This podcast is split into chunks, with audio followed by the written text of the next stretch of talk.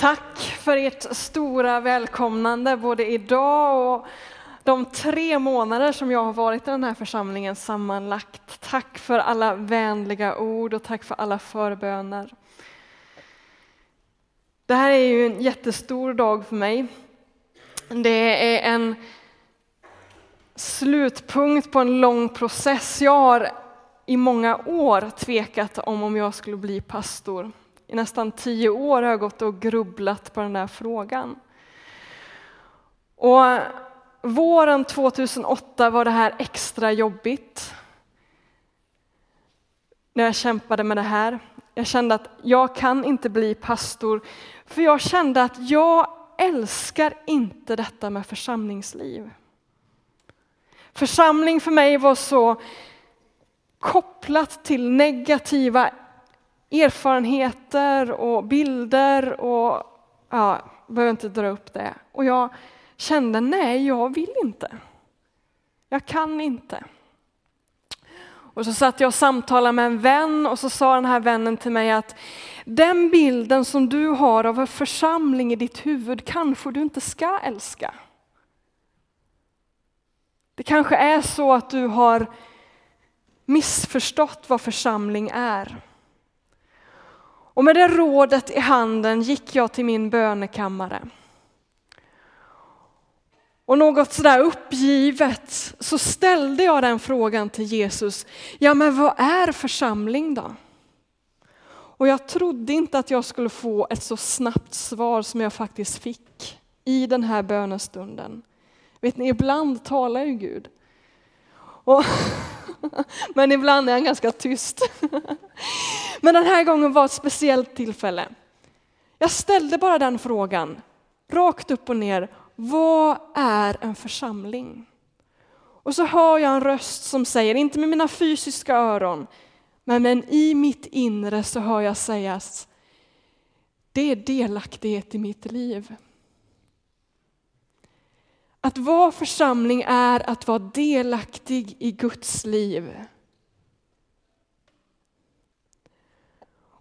Nu ska man inte bygga någon teologi på enskilda personliga tilltal, men det här var ingen nyhet för mig. Jag hade under den här våren jobbat med just det här temat.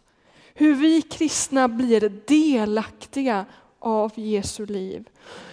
Men jag hade inte sett på det som något kollektivt. Jag hade sett det som något individuellt. Jag hade inte sett det som att det var församlingen som var delaktig i Kristi liv. Och mina ögon öppnades och det jag såg var så oerhört vackert och så kraftfullt. Och där tändes en kärlek till detta med församlingsliv. Och det vill jag dela med er här. Låt oss be tillsammans. Fader, vi tackar dig för att du har kallat oss in i detta stora äventyr och vara din församling. Och nu ber vi om hjälp att kunna lyssna in vad du vill. Låt oss få höra din röst i ditt ord och hjälp oss att ta det till oss och ta det till vårt hjärta. Låt ditt ord få bära frukt. Amen. Frikyrkligheten har ju alltid varit väldigt fokuserad på det här med mission och evangelisation och det är bra. Det är bra. Då finns det två bibelord som man ofta lyfter fram när man talar om mission. Det ena är missionsbefallningen i Matteus 28 och den andra texten är från Johannes 20. Och den texten lyfte jag lite fram i somras i en av mina predikningar som handlade om treenigheten och efterföljelsen. Den finns inte på nätet, men det var den som hade titeln Var bor du? En del kommer ihåg det. Då läste jag den texten. Jag ska bara berätta för er om den nu.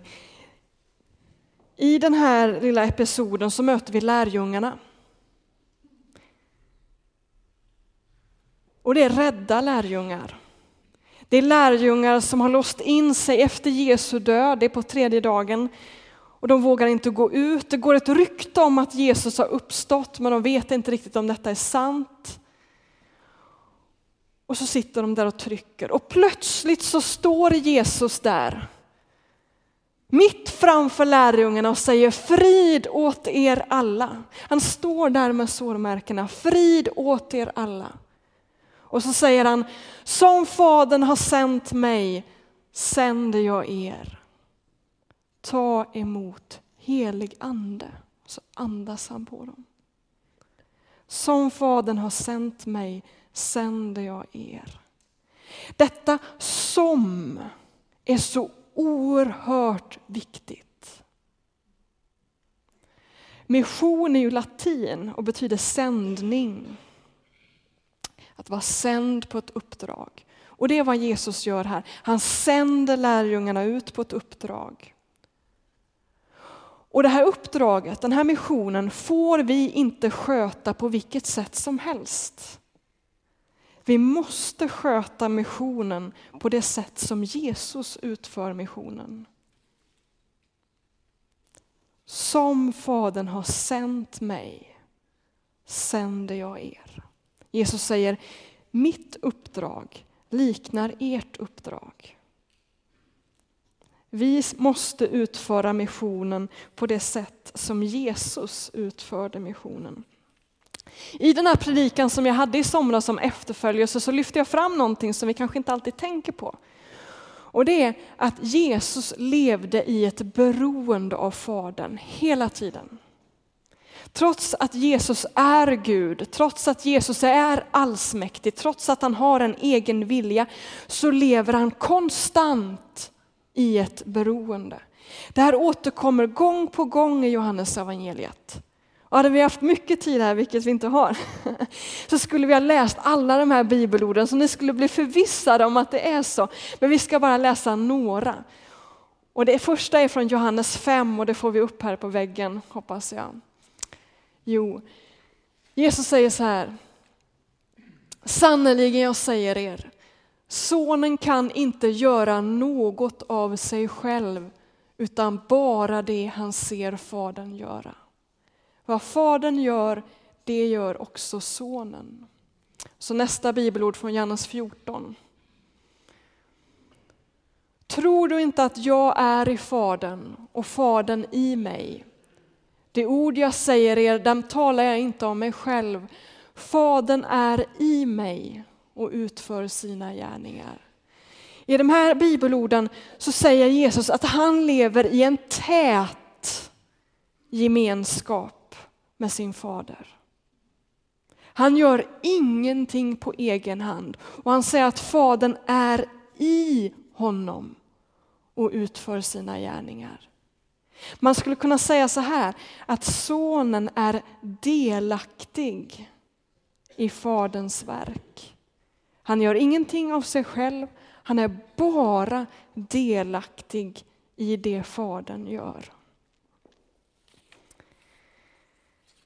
Det som är så oerhört intressant i Johannes evangeliet, det är att just detta beroendet också gäller oss. Som Fadern har sänt mig sänder jag er. Hör vad han ber i Johannes 17, första bibelordet där. Först kommer han så här, liksom du har sänt mig till världen har jag sänt dem till världen. Så börjar han, man slår an det temat och så fortsätter det med nästa bibelord. Jag ber att de alla ska bli ett. Att liksom du Fader är i mig och jag i dig, också det ska vara i oss. Då ska världen tro på att du har sänt mig. Den härlighet som du har gett mig har jag gett dem för att det ska bli ett, för att liksom vi är ett, jag är dem och du är mig, det ska fullkomnas och bli ett. Då ska världen förstå att du har sänt mig och älskat dem så som du har älskat mig. Det här ordet läser vi ofta när det talar om ekumenik, om enheten i församlingen och mellan församlingar. Det vi ofta inte lyfter fram är, eller sällan lyfter fram är att den här enheten ska också råda mellan församlingen och Gud. Det finns några fler verser i det här kapitlet som talar om just detta att Jesus ber att vi ska leva i Gud och att Gud ska leva i oss. Och då ska världen tro. Då kan vi utföra vårt missionsuppdrag. Endast då.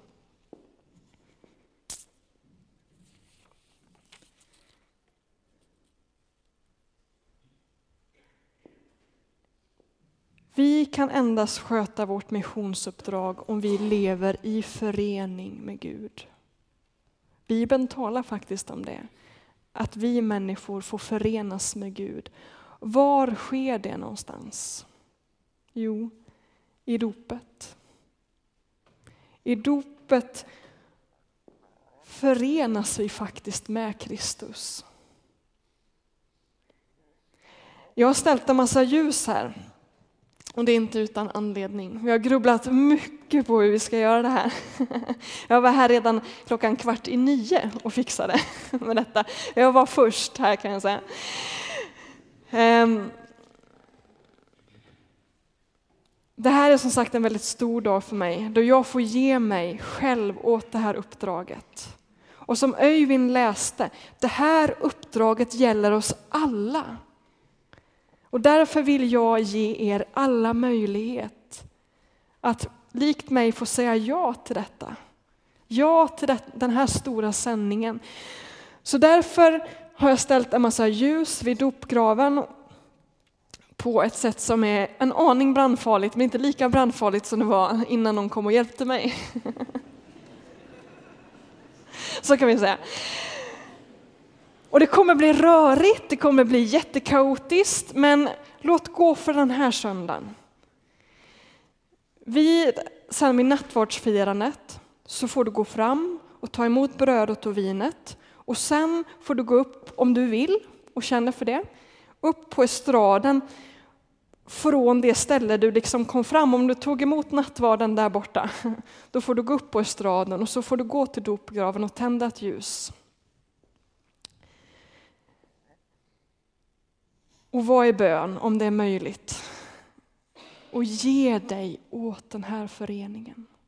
Påminn dig själv om ditt dop. Det är så i många kyrkor att man varje år har en påminnelse, en förnyelse av dopet. Fast man ständigt ska hålla detta levande. Man brukar göra det vid nyår eller vid påsk. Hoppas att vi ska kunna införa en sån tradition när jag är här. Men vi tar det idag. Vi behöver påminna oss om den här föreningen.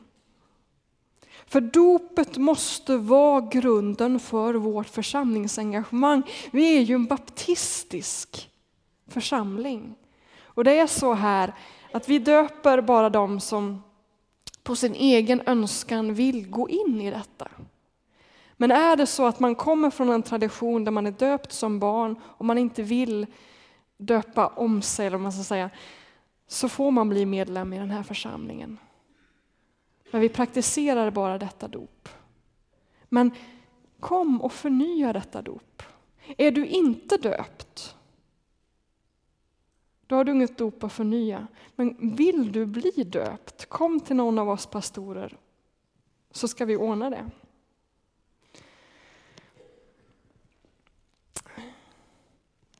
Öyvind läste i, i den här avskiljningsakten när han pratade om missionen. Skulle jag säga det här enligt mitt manus? Nej, det skulle jag inte. Vi väntar med det. Låt oss bara läsa ett ord från Romarbrevet 6 som bara, så ni, så ni ser så att jag inte ljuger. Om detta med att vi blir förenade med Kristus genom dopet. Så här står det. Vet ni då inte att alla vi som har döpts in i Kristus Jesus också har blivit döpta in i hans död? Genom dopet har vi alltså dött och blivit begravda med honom för att också vi ska leva i ett nytt liv. Så som Kristus uppväcktes från de döda genom Faderns härlighet. Ty har vi blivit ett med honom genom att dö som han ska vi också bli förenade med honom genom att uppstå som han. Detta med det eviga livet och uppståndelsen är en liten komplicerad historia. Den börjar här och nu. Det eviga livet och uppståndelsen börjar här och nu, men det fullkomnas den dag då vi dör eller när Jesus återkommer.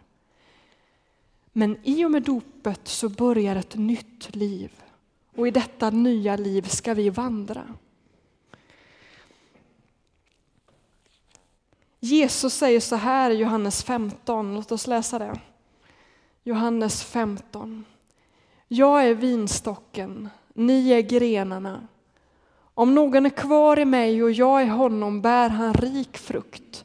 Utan mig kan ni ingenting göra. Den här versen är så oerhört viktig att påminna sig om gång på gång. Vi måste bli kvar i Jesus. Vi måste rota oss i vinstocken. Vi måste odla den här föreningen. För utan Jesus kan vi ingenting göra. Precis som Jesus själv sa. Utan Fadern kan han inte göra någonting. Han utför sitt missionsuppdrag genom att låta Fadern verka genom honom.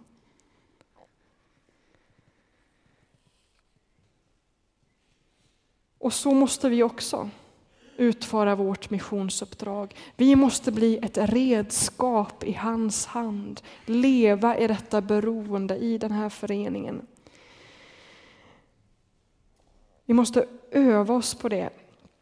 En av frikyrklighetens kanske allra största brister är att vi bara betonat det som sker i början av det kristna livet. Vi har varit jätteduktiga genom historien på detta med evangelisation. Men att leda människor vidare, där brister det. Vi ser det i vår församling. många människor får en tro genom alfa och så försvinner de. Varför? Det finns säkert flera förklaringar på detta. Men en av förklaringarna kanske är just detta, vi är dåliga på att vägleda. Kanske för att vi inte ens har gått den vägen själv. Att vi har stannat. Att det finns en brist på mognad. Så när dessa människor kommer till tro så vet vi liksom inte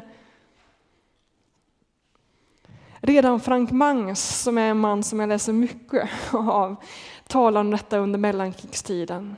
Hur han fick leda tusentals människor till tro. Och så försvann de. Han sa det är en brist på fäder och mödrar i Kristus som kan ta hand om alla dessa. Vi måste fördjupa vårt dop. Fördjupa vårt dop. Det är därför vi behöver de här förny... En sån här akt. Påminna oss om detta, överlåta oss gång på gång, tränga rötterna djupt, djupt, djupt ner. Och nu ska jag säga att i Öyvinds tal så sa han att till denna uppgift, missionsuppgiften, räknas alla som genom tro och dop låter sig förenas med Jesus Kristus. Vad är då min uppgift? Om vi alla delar den här uppgiften. Jo, min uppgift är att hjälpa er att kunna fördjupa ert dop. Jag ser det som min enda uppgift. Att hjälpa er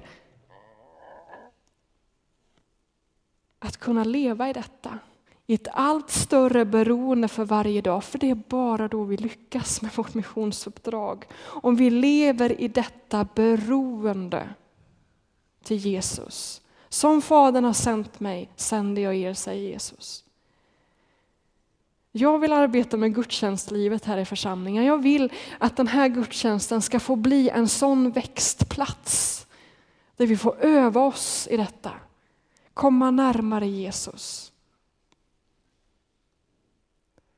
Och genom undervisning tala om vem Gud är och hur vi kan leva i gemenskap med honom. Undervisa om bönen. Vi behöver lära oss att be, för det är i bönen vi lär oss det här beroendet. Det är genom att varje dag öva oss lite mer på detta. Komma lite närmare. Vi behöver lära oss att kunna lyssna till Guds röst. För det är bara när vi lever i den här gemenskapen med Jesus som vårt församlingsengagemang bär frukt. Om vi hoppar över den biten så går det inte. Bönen måste prioriteras. Den enskilda bönen. Och så vill jag arbeta med andlig vägledning och som Öyvind sa så är det ett stort begrepp som omfattar mycket. Men det jag menar med andlig vägledning i den här, i den här predikan det är att jag tror att vi alla behöver någon att samtala med. Man kallar det, kan kalla det för olika, man kan kalla det för vägledare eller medvandrare eller själasörjare eller andlig vän eller någonting annat. Men jag önskar att vi kunde få igång det i församlingen, att man fick samtala med någon som kan hjälpa en att gå den vägen vidare. Jag tror att Alfa skulle vara betjänt av att vi alla lever i detta, att praktisera detta. Det är vad jag vill arbeta med för att kunna utföra mitt uppdrag att hjälpa er att fördjupa ert dop. Och som sagt, får jag inte arbeta med det så slutar jag. så är det bara. Ja, ni.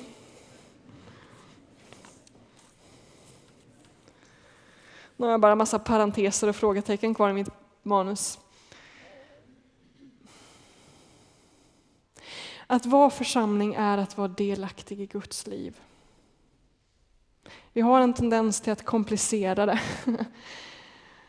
Verksamhet är jätteviktigt. Det är bra att vi har alla de här söndagsskolor och allting, men det får inte vara så mycket verksamhet så att vi inte hinner med vårt eget böneliv.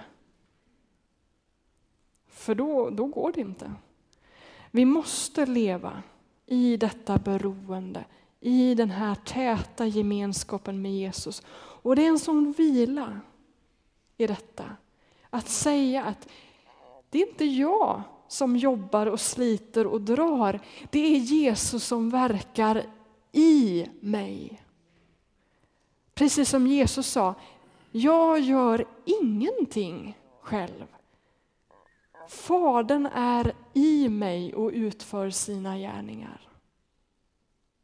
Vi måste följa Jesus i detta. Var delaktig i det Jesus gör. Det är ett fantastiskt äventyr.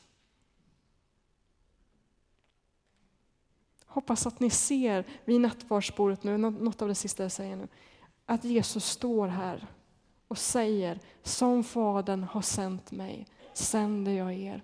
Och att du känner och upplever hur Gud faktiskt andas på dig och säger ta emot helig ande. Han ger sig själv till dig genom brödet och vinet. Och du får, om du vill, komma fram här, tända ett ljus.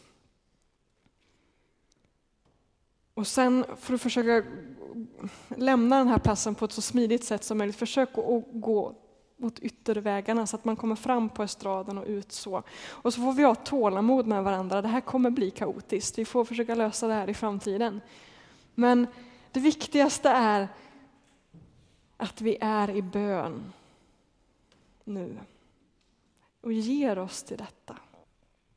Säger, jag vill ta emot den här kallelsen, jag vill leva i mitt dop, jag vill att du verkar genom mig.